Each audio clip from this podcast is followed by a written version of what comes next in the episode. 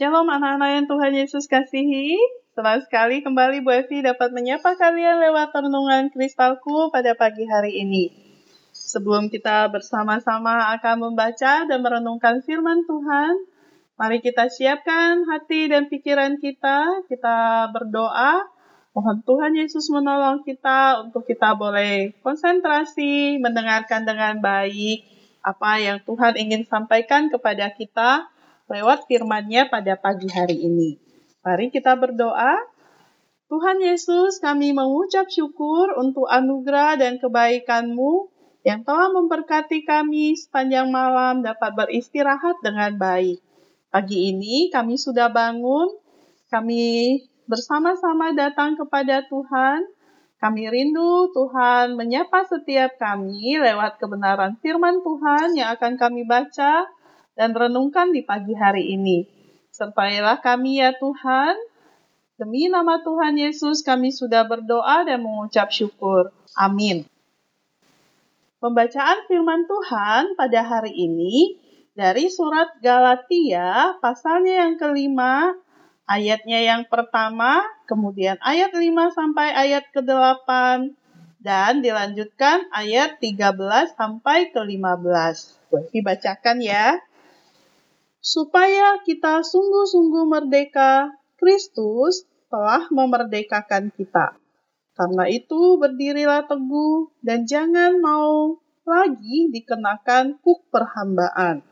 Ayatnya yang kelima sampai delapan, sebab oleh roh dan karena iman kita menantikan kebenaran yang kita harapkan. Sebab bagi orang-orang yang ada di dalam Kristus Yesus, hal bersunat atau tidak bersunat tidak mempunyai sesuatu arti. Hanya iman yang bekerja oleh kasih. Dahulu kamu berlomba dengan baik. Siapakah yang menghalang-halangi kamu sehingga kamu tidak menuruti kebenaran lagi? Ajakan untuk tidak menurutinya lagi bukan datang dari Dia yang memanggil kamu. Ayatnya yang ke-13 sampai 15. Saudara-saudara, memang kamu telah dipanggil untuk merdeka, tetapi janganlah kamu mempergunakan kemerdekaan itu sebagai kesempatan untuk kehidupan dalam dosa, melainkan layanilah seorang akan yang lain oleh kasih. Sebab seluruh hukum Taurat tercakup dalam satu firman ini, yaitu kasihilah sesamamu manusia seperti dirimu sendiri. Tetapi jikalau kamu saling menggigit dan saling menelan, awaslah supaya jangan kamu saling membinasakan. Anak-anak yang Tuhan Yesus kasihi, Paulus menulis surat kepada orang-orang Kristen yang ada di Galatia untuk mengingatkan mereka tentang pesan sederhana yaitu diselamatkan oleh iman dan hidup oleh roh bukan oleh serangkaian aturan. Kristus memerdekakan kita untuk menikmati kebebasan yang sempurna di dalam Dia. Berhati-hatilah agar kita tidak lagi terikat dalam rantai perbudakan. Dengan iman, kita dibebaskan dari rantai yang membuat kita terikat pada serangkaian aturan dan kebiasaan-kebiasaan.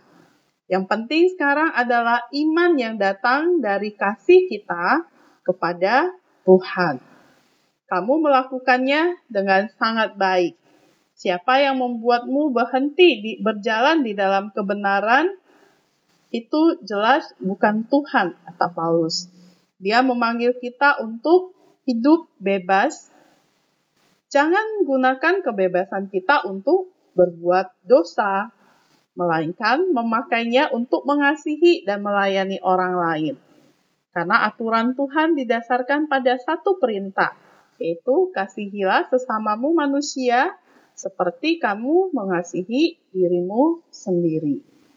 Anak-anak, pertanyaan untuk kita bersama renungkan adalah bagaimana roh membuat kehidupan Kristen kita menjadi menarik. Wevi mau tanya, Apakah kamu ikut ibadah sekolah minggu atau kamu pergi ke gereja memang karena kamu menginginkannya atau karena kamu disuruh oleh papa dan mama? Apakah kamu baca Alkitab hanya kamu merasa bersalah kalau kamu tidak baca atau memang kamu rindu untuk membaca Alkitab?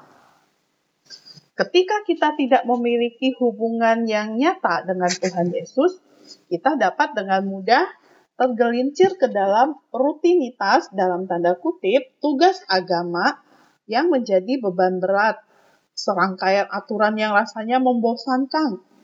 Jelas tidak salah bagi kita untuk mematuhi atau mentaati aturan yang Tuhan berikan kepada kita di dalam Alkitab. Tetapi Tuhan tidak ingin kita terjebak oleh serangkaian aturan yang kita ikuti hanya untuk menenangkan hati nurani kita, bukan karena kita sungguh-sungguh mengasihi Tuhan. Ketika kita mengizinkan Tuhan Yesus menjadi sahabat terbaik kita, maka roh membebaskan hati kita. Jadi misalnya kamu selalu mengucapkan doa yang sama saat mengucap syukur atas makanan, ingatlah bahwa roh telah membebaskanmu menggunakan kata-kata terima kasih kamu sendiri. Tidak harus mengikuti catatan atau harus sama setiap hari. Kamu bisa berbicara dengan bebas kepada Tuhan. Ya. Kiranya kasih kamu kepada Tuhan bukan karena aturan atau perintah Tuhan itu menjadi alasan kamu untuk melakukan semuanya itu. Saya berdoa sebelum tidur, berdoa bersyukur waktu bangun tidur, itu benar-benar kamu lakukan karena kamu sadar siapa Tuhan yang mengasihi kamu. Bukan karena kamu berpikir, karena saya orang Kristen, maka saya harus melakukan itu. Akhirnya itu menjadi sesuatu yang tidak bermakna. Demikian firman Tuhan. Mari kita berdoa.